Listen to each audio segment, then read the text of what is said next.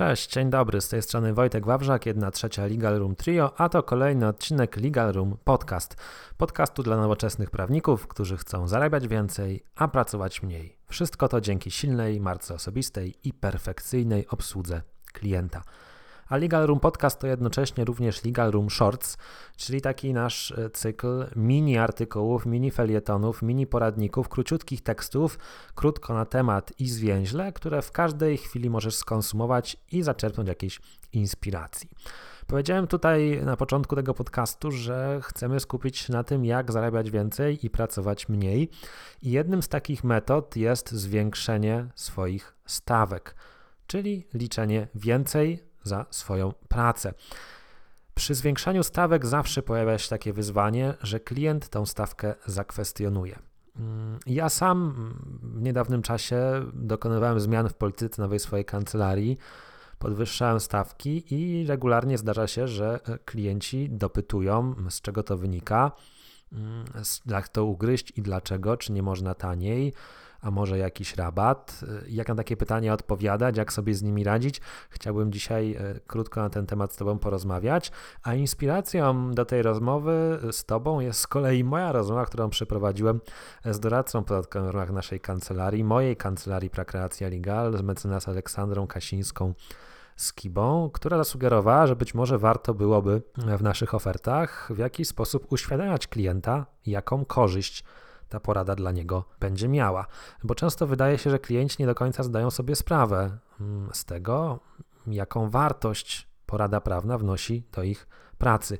W szczególności, gdy chodzi o tę poradę podatkową, mm, której dotyczy opis, o którym w tej chwili mówię, no sytuacja tutaj jest taka, że najczęściej taka porada to jest ustawienie podatkowe, optymalizacyjne biznesu klienta w jakiejś perspektywie czasu.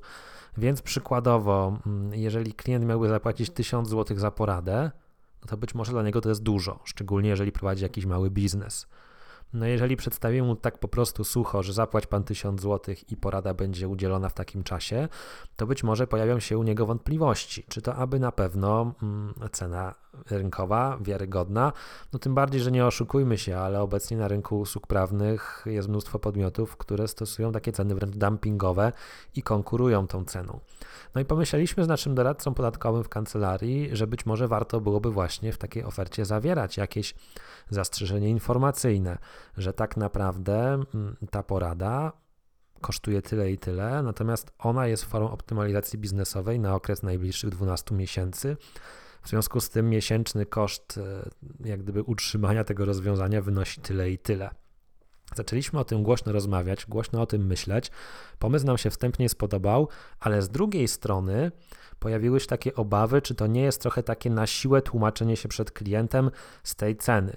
Czy to też nie da klientowi do myślenia, że być może ta cena jest zawyżona, skoro od razu się tłumaczymy. No bo przecież winny od razu się tłumaczy, prawda?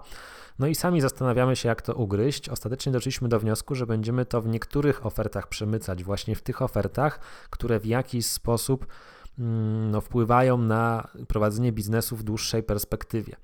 Bo z konsultacjami jest ta taka niewdzięczna rola, że klienci nie do końca widzą ich wartość. Im się wydaje, że to jest konsultacja tu i teraz, szybki, prosty, tani temat.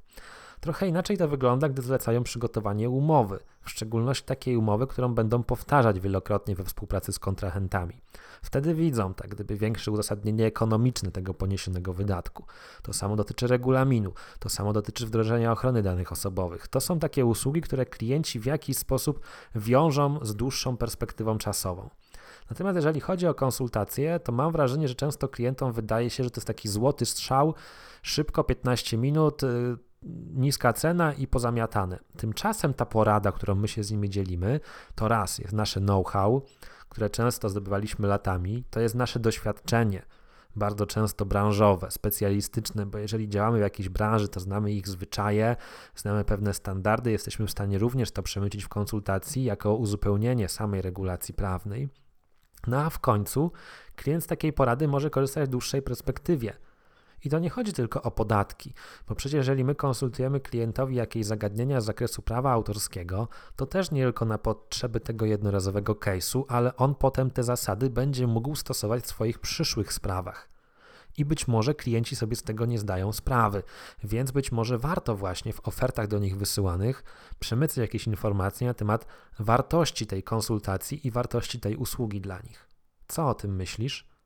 Daj znać, napisz do nas maila, zostaw komentarz, czy też nagraj wiadomość głosową przez stronę naszego podcastu, bo chcielibyśmy tym sposobem zainicjować taką dyskusję, w jaki sposób przedstawiać klientowi wartość swojej pracy, w jaki sposób uzasadnić swoją wycenę, w jaki sposób wyedukować klienta, że ta usługa rzeczywiście jest tyle warta. No bo owszem, można się od razu obrazić, że jeżeli klient neguje, to znaczy, że nas nie docenia. Okej, okay, ale może wynika to z tego, że klient nie wie nie ma świadomości. Może to my powinniśmy go wyedukować, może to na nas, jako na profesjonalistach, powinno ciążyć to, żeby on zrozumiał, dlaczego to tyle kosztuje i dlaczego to jest tyle warte. To moja perspektywa i moje spojrzenie. Tak jak wspomniałem, jestem ciekaw Twojego. Daj koniecznie znać, być może razem dojdziemy do jakichś fajnych, konstruktywnych wniosków, jak ładnie, estetycznie i nienachalnie edukować klientów, uświadamiać im, dlaczego nasza praca jest tyle warta, jakie oni z tego osiągają korzyści. No bo pamiętajmy, że musimy zawsze kierować się w relacjach z klientem tym podejściem win-win. Ja jako prawnik wygrywam, bo zarabiam, mój klient wygrywa, bo dostaje rozwiązanie, które będzie mu służyć w dłuższym czasie. No i właśnie to pytanie po raz trzeci i ostatni powtórzone do Ciebie brzmi, w jaki sposób mu to zakomunikować, jak do tego podejść, jak te dylematy rozwiązać, żeby wszystko było schludnie, nienachalnie, estetycznie i żeby robiło dobre wrażenie na kliencie, a jednocześnie spełniało tą swoją uświadamiającą rolę. Czekam na Twoje pomysły, uwagi, spostrzeżenia, a dzisiaj dziękuję Ci za to, że odsłuchałeś ten odcinek.